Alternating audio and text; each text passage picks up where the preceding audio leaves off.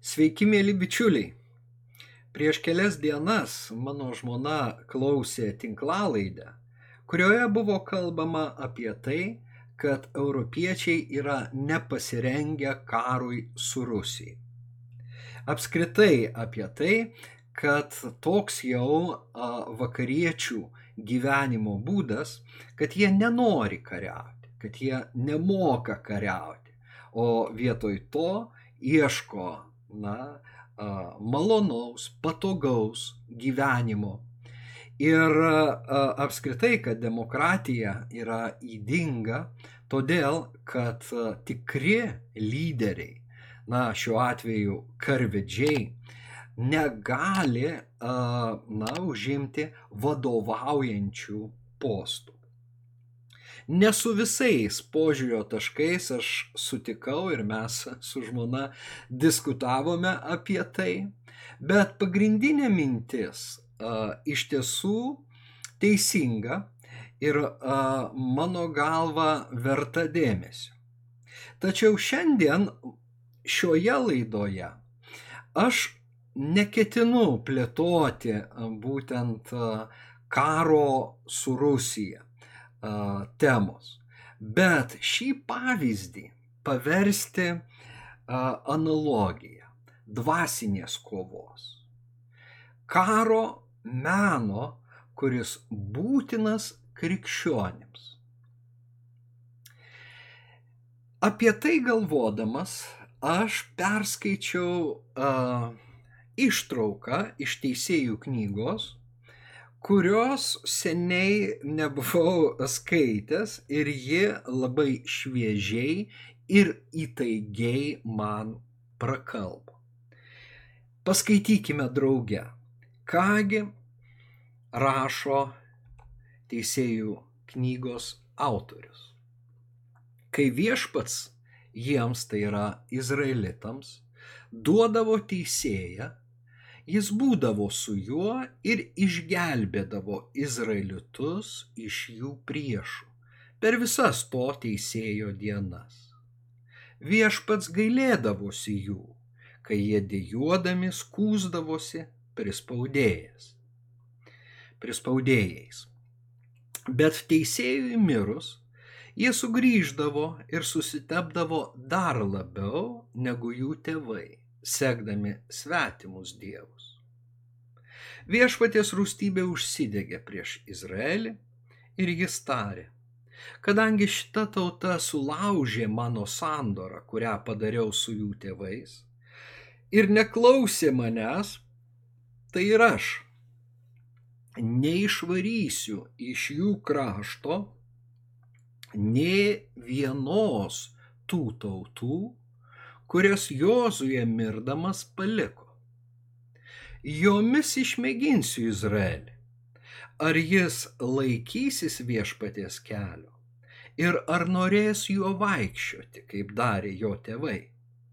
Šitas tautas viešpats paliko krašte, norėdamas išmėginti izraelitus, kurie nebuvo pergyvenę Kanaano karų kad izraelitų kartos žinotų, kas yra karas ir išmoktų kariauti. Taigi labai įtaigiai nuskamba ta mintis, kad Dievo tauta turi mokėti kariauti, mokytis kariauti. Senojo testamento metu tai buvo fizinis, fizinėje realybėje vykstantis karas. Naujojo testamento metu tai dvasinis, dvasinėje, metafizinėje erdvėje vykstantis karas. Ir mes norime to ar ne. Priešas mus puola. Ar mes žinome apie jį ar ne? Iš tiesų susidurėme su to karo pasiekmėmis savo gyvenime. Ir iš tiesų, jeigu kalbėti apie bažnyčią kaip Dievo tautą, tai ypatingai šita analogija, šitas vaizdinys tinka.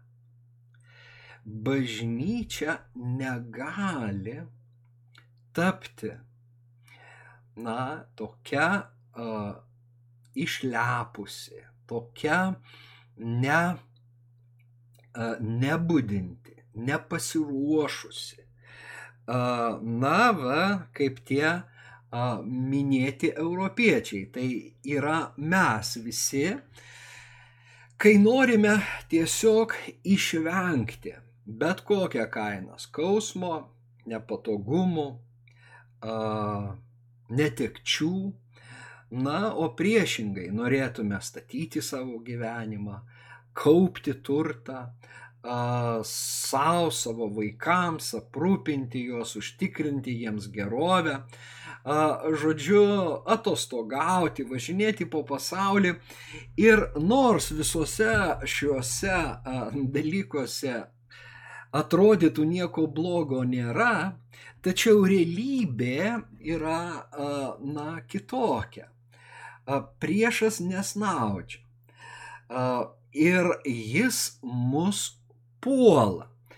Ir ar nėra taip atsitikę, kad iš tiesų dvasinė prasme, na, vakarų šios dienos, vakarų civilizacija atspindi ir mūsų dienų bažnyčią, kurioje, na, tų tikrų dvasios karių labai stokojama. Ar nėra taip, kad ganytojai yra tie akli vedliai, kuriems trūksta narsos, kuriems, na, trūksta išminties ir kaipgi tada ta armija, ta, na, ganykla bus stipri ir pasirengusi dvasiniai kovai. Kai kam galbūt šios temos pavadinimas karo menas primena kiniečių autoriaus Sun Tzu knygą, taip ir pavadinta Karo menas. Ir beje, tai sąmoninga aluzija į ją. Ir aš vėliau pacituosiu iš jos. Bet mes pradėjome nuo Senojo testamento, o dabar eikime į Naująjį testamentą ir pasižiūrėkime, kaip Naujojo testamento autoriai darniai atkartoja štai, na, metraščių autoriaus užrašiusio teisėjų knygą mintis tik tai jau kalbėdami mums, tikintiems.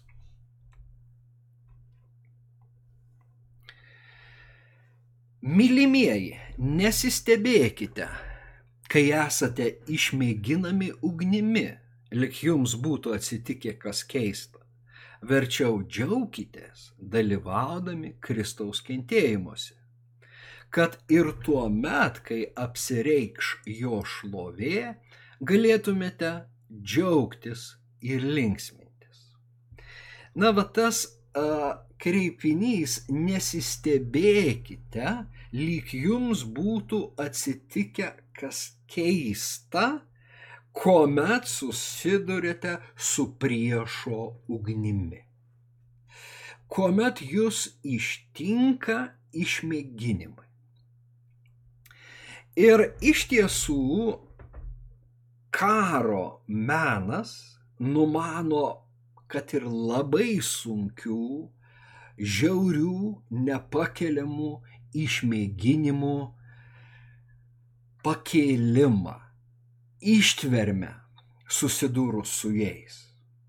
Juk einantis į karą, na, ne neturi iliuzijų, kad jie atostogaus, kad jie tiesiog, na, čilins, leis laiką savo malonumui. Ne, jie žino, kad jų gyvybei grėsia grėsmė, kad būtina na, atstovėti savo teritoriją, kad būtina pasipriešinti agresoriui.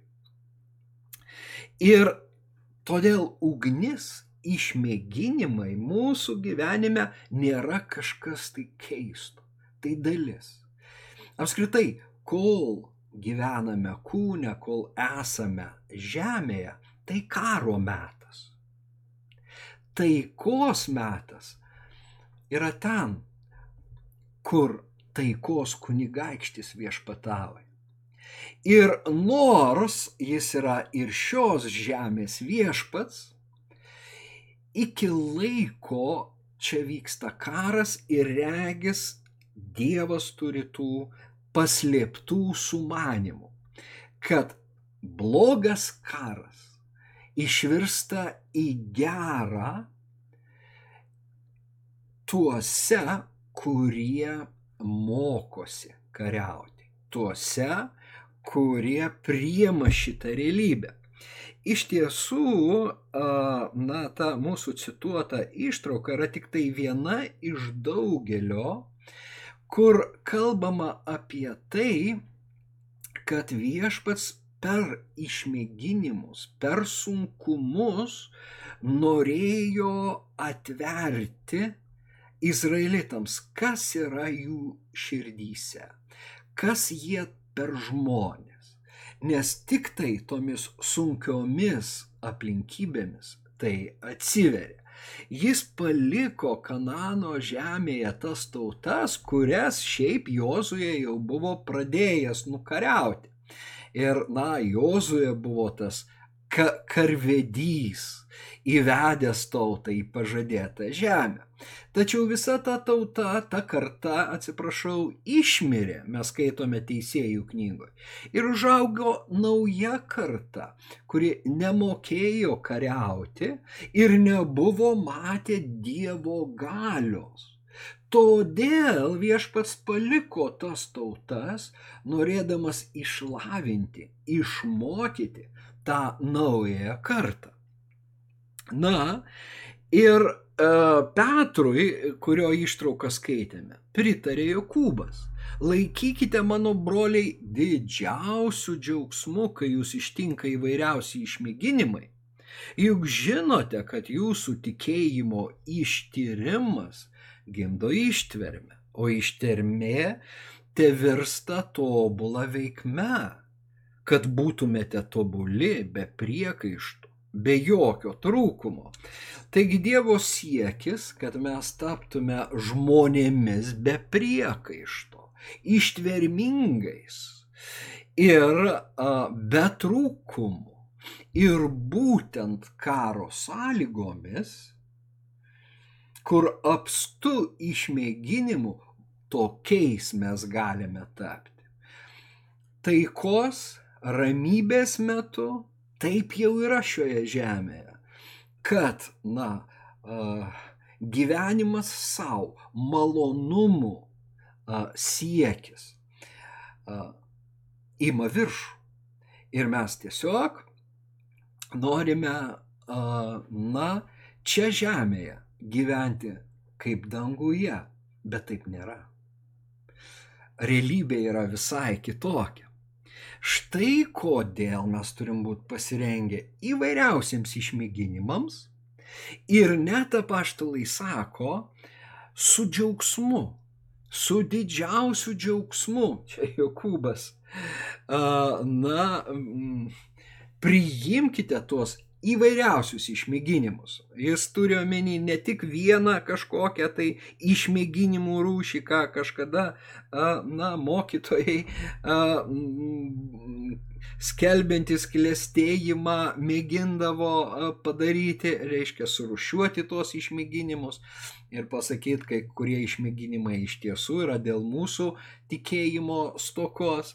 Bet taip nėra, tai klaidinga filosofija ir, na, Jokūbas, Naujasis testamentas apskritai kalba visai ką kitą.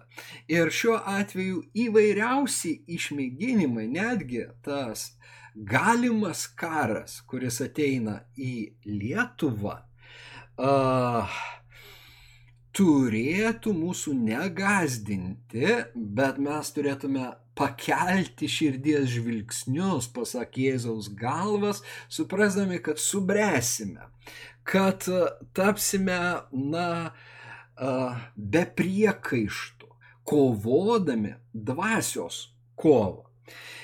Apaštalas Paulius pritarė a, jiems sakydamas, didžiuojamės Dievo šlovės viltimi, bet ne vien tuo, didžiuojamės ir vargais, žinodami, kad vargas gimdo ištvermę, ištvermė tvirtumą, tvirtumas viltį. Tai a, vėlgi yra tas, na, žiūrėkime, brendimas, tas ėjimas iš to silpno, a, tikinčio žmogelio prie na, tikro uh, Jėzaus kario, tvirto uh, charakterio, tvirto būdo uh, žmogaus. Nes antraip, jei esame bailus, uh, pastovėti už tiesą, jei esame kvaili, mus nugalės. Tik tai būdami drąsūs, išmintingi, susitvardę, mes galime pasitikti mūsų dienų dvasinius iššūkius. Ir čia aš noriu atkreipti dėmesį į graikišką žodį dokime. Ankstesni vertimai, na, sakydavo Kavaliausko vertimas, kad jeigu grįžti atgal, tai ištvermė gimdo dorybę. Bet arete yra kitas žodis, dokime yra, šiuo atveju mes verčiame tvirtumas, patikimumas, gal net branda ir jis kyla iš veiksmažodžio dokimazo - išmėginti ištirti, kad paaiškėtų mėginio vertė. Tad turimas omenyje žmogus, kuris yra patyręs, patikimas, išmėginimų užgrūdintas, brandus, tvirto charakterio. Beje, paštalas Paulius labai mėgsta dokimadzo ir dokime ir būdvardį dokimon. Čia aš jį mm, pasitelkiu iš romiečiams laiško. Sveikinkite apelį išmėgintą dokimon Kristuje. Na, o Timotiejus rašo, kentiek drauge su manimi, kaip šaunus Kristaus Jėzaus karys. Štai čia mes pereiname jau tiesiogiai prie karo meno metaforos vaizdinių ir jų vėlgi apaštalo Pauliaus laiškuose daug. Ir prisiminkime vat, šitas vietas ir to mm, ruoškimės, ruoškimės. Iš tiesų karas jau vyksta, kaip ukrainiečiai sako. Karas prasidėjo ne prieš du metus, jis prasidėjo keturioliktais metais. Mes turėtume sakyti, karas prasidėjo Edeno sode, kai a, žmogaus priešas iš tiesų, na, prispaudė žmogų ir jis pralaimėjo žmogus pralaimėjo. Adomas su Jėva pralaimėjo. Ačiū Dievui, kad atėjo antrasis Adomas ir vėlgi jis turėjo būti išmėgintas. Ir laiško hebrajams autorius sako, kad Jėzus Kristus buvo visaip išmėgintas, tačiau nenusidėjo. Todėl dabar, kaip vyriausiasis kuningas, jis gali padėti tiems, jis supranta tuos, kurie yra išmėginami. Iš tiesų, e, išmėginimų tema yra labai plati ir šiandien per vieną kartą mes jos negalime apriepti, nes iš karto į, gal, į galvą ateina a, malda tėvė mūsų ir nevesk mūsų į išmėginimą, bet gelbėk mus nuo pikto, apie tai gal pašnekėsim kokį kitą kartą, bet šiandien aš noriu būtent tą a, na, metaforą dvasinio karo ir a, m, paplėtoti ir pabandyti jums ir savo išryškinti, na, m, kaip elgtis, kokiais būti a, na, to karo metu, kokiais mes galime tapti, jau pamatėme. Bet kaip vesti tą dvasinę kovą?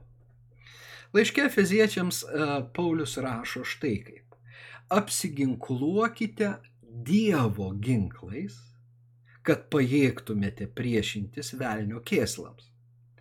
Juk mes grumėmės ne su kūnu ir krauju, bet su valdovais, su valdžiomis, su šio tamsos pasaulio valdytojais. Jų esama. Jų esama.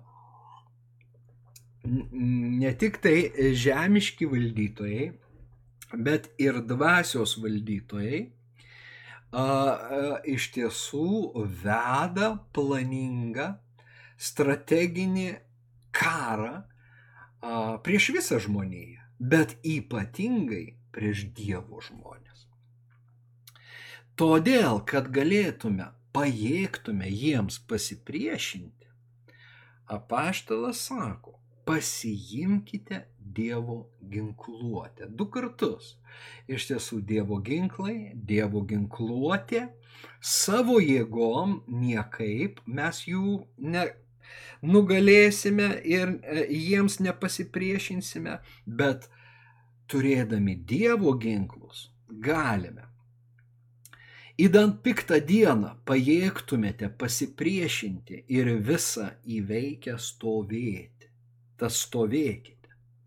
Susijuosęs trėnas tiesa, apsivilkę teisumo šarvais ir apsiavę kojas pasirinkimu skelbti ramybės evangeliją. Be to pasiimkite tikėjimo skydą kuriuo pajėgsite užgesinti visas deginančias piktojo strėles. Paimkite ir išgelbėjimo šalmą ir dvasios kalavyją. Tai yra Dievo žodį. Na ir pabandykime suskaičiuoti tuos Dievo ginklus, kuriuos Paulius čia vardyja ir turime šešis. Vėlgi, tai yra vaizdiniai, metafora, nereiškia, kad na, nėra daugiau. Bet na, šioje vietoje Paulius įvardino tiek, kas tie ginklai. Pirmasis - stovėkite susijuosęs trėnas tiesa.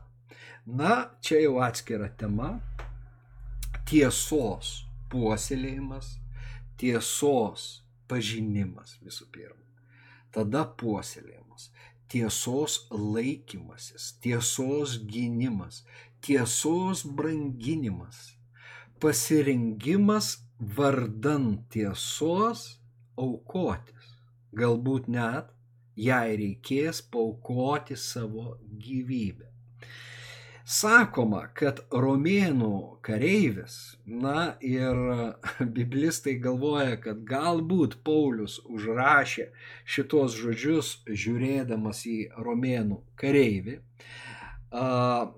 bet, reiškia, to, ta visa ginkluotė laikėsi ant tos juostos, kurią būdavo susijuose ne tik kareivoje apskritai, na, vyrai tuo metu. Tas diržas, ta juosta buvo visa kita palaikantis ramstis. Be to ir kiti ginklai greitai nukrisdavo ir, ir, ir visa kita tampa kaip, na, šuniui penkta koja, sakoma. Tai nepadės. Tiesa yra giluminis, nematomas diržas, juosta mūsų kovoje. Šiandien melagienų sraute, šiandien įvairiausių mokymų ir a, mokymų vėjų audroje. kai skamba daugybė įvairiausių balsų, kalbančių už Kristų, apie Kristų, labai lengva pasimesti ir prarasti tiesą supainioti melą su tiesa, kas įvyko iš tiesų Adomui su Jėva. Jiems buvo pasiūlyta alternatyvi realybė, kurią jie priėmė kaip tiesa ir tokiu būdu tas melas juos pagavo ir jie puolė į nuodėmę. Taip yra ir su mumis šiandien. Mums siūlomos alternatyvios tiesos, pusiau tiesos, kad mus sugautų. Ir todėl taip svarbu tiesos žodžiams, na, kreipti dėmesį, prijaukinti, padaryti savo širdį tokią, kuri atpažįsta tiesą ir jos nepaleidžia. Aš negaliu paleisti. Kristaus, kuris yra tiesa. Aš negaliu paleisti Dievo žodžio, kuris yra tiesa. Aš negaliu uh, atsitraukti nuo tiesos dvasios, tai yra nuo šventosios dvasios. Visa tai mums padeda išsaugoti tiesą eschatologinėje perspektyvoje. Iš tiesų mes matome pagrindinė kova bus šioje plotmėje tarp melo ir tiesos. Nes netgi vėl pasakyta Pauliaus, kad Dievas siūs tą klaidinančią dvasę, klaidos dvasę. Dėl ko vėlgi dėl tos pačios priežasties įdan būtų ištirti krikščionis ir tie netikri atšoktų, uh, nukristų. E, tie neišmėginti, jie bus suvedžioti. Ir, na, eschatologinėme kontekste tai bus taip stipru, kad net jei tai įmanoma, būtų išrinktieji suvedžioti, bet tai neįmanoma. Tiesiog kova bus be galo arši. Taigi tiesa, antras ginklas yra susijęs Bet Pauliaus soteriologijoje teisumas tai be abejo yra pasitikėjimas ne savo uh, darbais, ne įstatymo uh, na, lieptais darbais, ne įsakymų vykdymas, o Kristaus dovanoto išgelbėjimo ir jo teisumo branginimas. Tai yra mūsų šarvas. Nes jeigu mes einame kaip šventieji patys, mes čia pat uh, mus pažeis. Bet mūsų šarvas yra tas, kad nors aš esu uh, silpnas, pažeidžiamas, nuodėmingas, tačiau Kristus visą tai padengė savo šventumu, savo teisumu. Ir jis yra mano teisumas. Tai yra mano šarvas. Kitaip aš į kovą negaliu eiti. Aš būsiu pasmerktas, užspaustas, nes mes turime reikalą su brolių kaltintoju. Su, reiškia, vėlgi apie mūsų priešą reikėtų atskiros tinklalaidės bet na, su tuo, kuris nuolatos kaltina ir kitus, kad mes juos kaltintume, ir mus pačius. Jis kaltina. Nors tiesa, jis ir pataikauja. Jis gali tave girti, o kitą kaltinti. Na, jo manevrus mes turime išmanyti. Paštalas rašo, mums nėra nežinomi jo kėslai arba manevrai. Uh, jie turi būti žinomi. Ir beje, jisai ten kalba uh, net leidimo kontekste broliui, kuris padarė nuodėmę. Bet jeigu mes tą net leidimą laikome, įtvirtiname jį, mes jau pralaimėjom, mus jau prigavo. na, skaldyk ir valdyk, ar ne, senas, reiškia, posakis, tarp kitko, Sunzu karo mene turi iš tiesų daug nuostabių išvalgų. Ir visai įdomu tą a, knygutę skaityti, na, panašiai kaip kon, kon, Konfucijų, tą kiniečių išminti, kurioje labai daug dieviškų sėklų. Nėra galbūt pilnatvės ir na, mes jos ten ir neturėtume ieškoti, bet ją interpretuoti tikrai galime. Taigi, kaip ten bebūtų, teisumas yra ne mūsų, ne nuosavas, bet Kristaus teisumas ir tai šarvas apsiavę kojas pasirengimu skelbti ramybės evangeliją. Atkreipkime dėmesį, kad Paulius kalba apie karo metą iš tiesų, nes kaip priešingybė yra taikos. Irenė yra ir taika, ir ramybė. Evangelija, taikos, ramybės evangelija, ji turėtų iš tiesų sklisti iš mūsų lūpų ir nešti žmonėms ramybę, nesumaišti, neteismą, negrasinimus būti įmestiems į pragarą, apie tai paklausykite praeitoje tinklalaidėje, bet gerąją žinę, ramybės žinę. Kristus yra mūsų ramybė. Jis yra kunigaikštis. Ir jį galim įsileisti į širdį ir tą ramybę turėti viduje, jeigu ne, na, sakykime, gyvenime šiomis, na, eschatologinėmis, jeigu norite, apokaliptinėmis sąlygomis.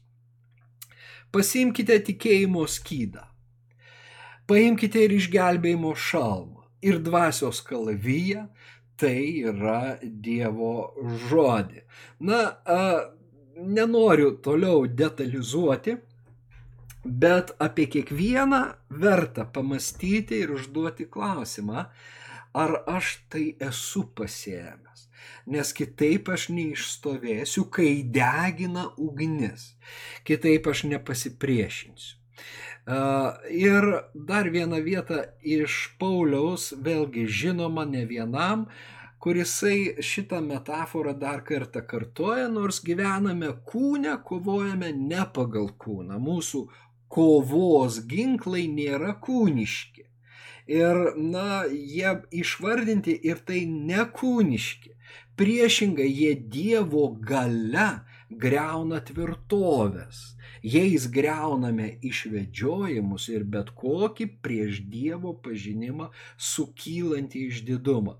Kiekvieną mintį paimame Kristaus paklusnumo nelaisvėn. Na, čia tik tai į vieną žodį atkreipiu dėmesį - tvirtovės. Dievo gale greuna tvirtovės. Taigi kova vyksta mentalinėme lygyje žiūrėkime, mentalinėme lygyje. Mes pasakėm, kad tai yra dvasinė kova, bet dabar pasakykime, tai yra ir protų mūšis. Tai yra ir protų mūšis. Ir iš tiesų požiūrio taškai yra tarsi tvirtovės. Tam tikra pasaulyje žiūra, teiginti vieną ar kitą, yra tvirtovė. Štai krikščionys, jeigu paėmę Dievo ginklus, pajėgus tas tvirtovės sugriauti. Problema yra ta, kad šiandien bažnyčia vietoj vedusi dvasios kovą pradeda vesti politinės kovas. Ir čia pat yra nugalima. Todėl krikščionys, na, politizuojantys arba dvasios kovą suvokiantys kaip dalyvavimą politiniuose žaidimuose, politinėse kovose, įdant toje srityje gražintų prarastas krikščioniškas vertybės yra jau nugalėti. Ir labai didelė bėda tame, kad na, galinga, pajėgi JAV armija, šiuo atveju aš turiu omeny bažnyčią, yra praktiškai nugalėta ir paimta nelaisvėn, nors pati to nesuvokia. Politizuota krikščionybė jau yra nugalėta. Ir tie mėginimai susigražinti prarastą bažnyčios politinę valdžią, jie, na, sakykime, yra priešo pasiūlyti. Tai yra pasiūlymas, tai yra jaukas. Vat tokiu būdu, štai taip mes gražinsime Dievą. Iš tiesų ir toje tinklalaidėje nekarta buvo minimas Dievo vardas, nors nežinau, ar a, tas pašnekovas yra tikrai tikintis, bet jis kalba apie tai, kad Europa prarado Dievą. Ir, na, kai buvo Dievas, tai tada europiečiai mokėjo kariauti. Iš tiesų, dvasinė perspektyva šis požiūris yra jau pralaimėjusio krikščionio požiūris. Todėl, kad, na, o kada Europoje tas Dievas buvo? Ir jeigu tu sakai, kad jis buvo, bet jis buvo prarastas, tai kokį dievą tu turi omenyje? Na, tas dievas, kuris padėjo, sakykime, europiečiams susigražinti uh, Jeruzalę iš uh, musulmonų, tas dievas, kuris padėjo uh, kryžiuočiams nugalėti pagonių tautas. Ar tas Dievas ką nors bendro turi su Naujojo testamento Kristaus apreikštų Dievu? Nieko bendro. Tik tai nežinom. Yra vėlgi tam tikros klišės. Ir todėl aš, na, pasakiau keletą dalykų apie tvirtovės ir apie jaukus kurie numetami ir yra, atrodo labai patraukliai, štai krikščionis bus valdžioje. Na ir mes turime JAV tą spikerį, ar ne, Johnsoną, kuris kalba Dievo vardu. Neseniai jis pasakė, viešpats man pasakė labai aiškiai. Ir aš galvoju, kad tai yra, na, Dievo vardo vartojimas be reikalo. Apskritai, tai, kas vyksta Amerikoje, yra labai, na, sakykime, konceptualu, tarsi veidrodyje galime matyti, kas vyksta apskritai bažnyčioje. Ir vat toje e, realybėje, apie kurią mes kalbame. Bet koks sumaišymas karališčių iš karto veda į pralaimėjimą. Todėl Jėzus uh, savo mokinius laužė šitą uh, prasme, nes jie buvo pasiruošę uh, na, kalavijais įtvirtinti mesijo valdžią, tai yra politiniais svertais būtų šiandien, na, atnešti Kristų karalių tautoms, bet Kristus pasakė ne taip, Dievas ateina, žmogus turi jį pamilti. Dievas neteina kaip užkariautojas, jis ateina kaip kankinys, kuris atiduoda savo gyvybę. Ir tai keičia iš esmės filosofiją. Kas nori būti tarp jūsų pirmas, te būna paskutinis. Nebūkite tokie kaip šio pasaulio, kaip šios žemės valdovai. Ne, valdovai, kurie valdo šitą žemę. Na, tai tiek čia galima būtų labai daug apie tai kalbėti. Bet aš a, jums žadėjau pacituoti iš karo meno ir štai ta citata jau einant a, visai į pabaigą, kur Sun Tzu kalba apie strateginę galę. Todėl tų, kurie meistriškai kaunasi, strateginė gale yra veržlė, samoningumas tikslus jų strateginė gale tarsi įtemptas lankas. Vėl tie įvaizdžiai yra labai na, bibliški, labai panašus, nes, nes apie lanką Senajame testamente ir strėlės iš tiesų yra daug vietų. Tai čia strateginė gale tarsi įtemptas lankas, o smūgio sąmoningumas tarsi paleista strėlė. Štai tokią strateginę galę turėtų kaupti bažnyčia. Ta slapta Kristaus armija. Kad ir kaip viskas susiraizgytų ir susipintų. Kad ir koks netvarkingas būtų mūšis, pakrikti negalima. Kad ir kokia aplink suirutė ir painiava, kad ir kokia būtų subliuškusi forma, vis tiek pralaimėti nevalia. Rašo Suncu karo mene. Na ir man tai yra tikrai uh, eschatologinis vaizdas, kurį atrandame uh, Evangelijose, kai mokiniai klausia, kada šio amžiaus pabaiga ir Jėzus tam tikrai štrichais piešia ją ir va, regime tą mūšį, pakrikimą, daugybę nuo, nuomonių, viskas susiraizgė, susipinę, tikra pain, pa, painiava ir suirutė, tai yra mūsų situacijos aprašymas. Ir turiuomenį visų pirma krikščionis, nors apskritai galim sakyti žmonijoje. Štai yra toks metas. Tačiau pralaimėti nevalia.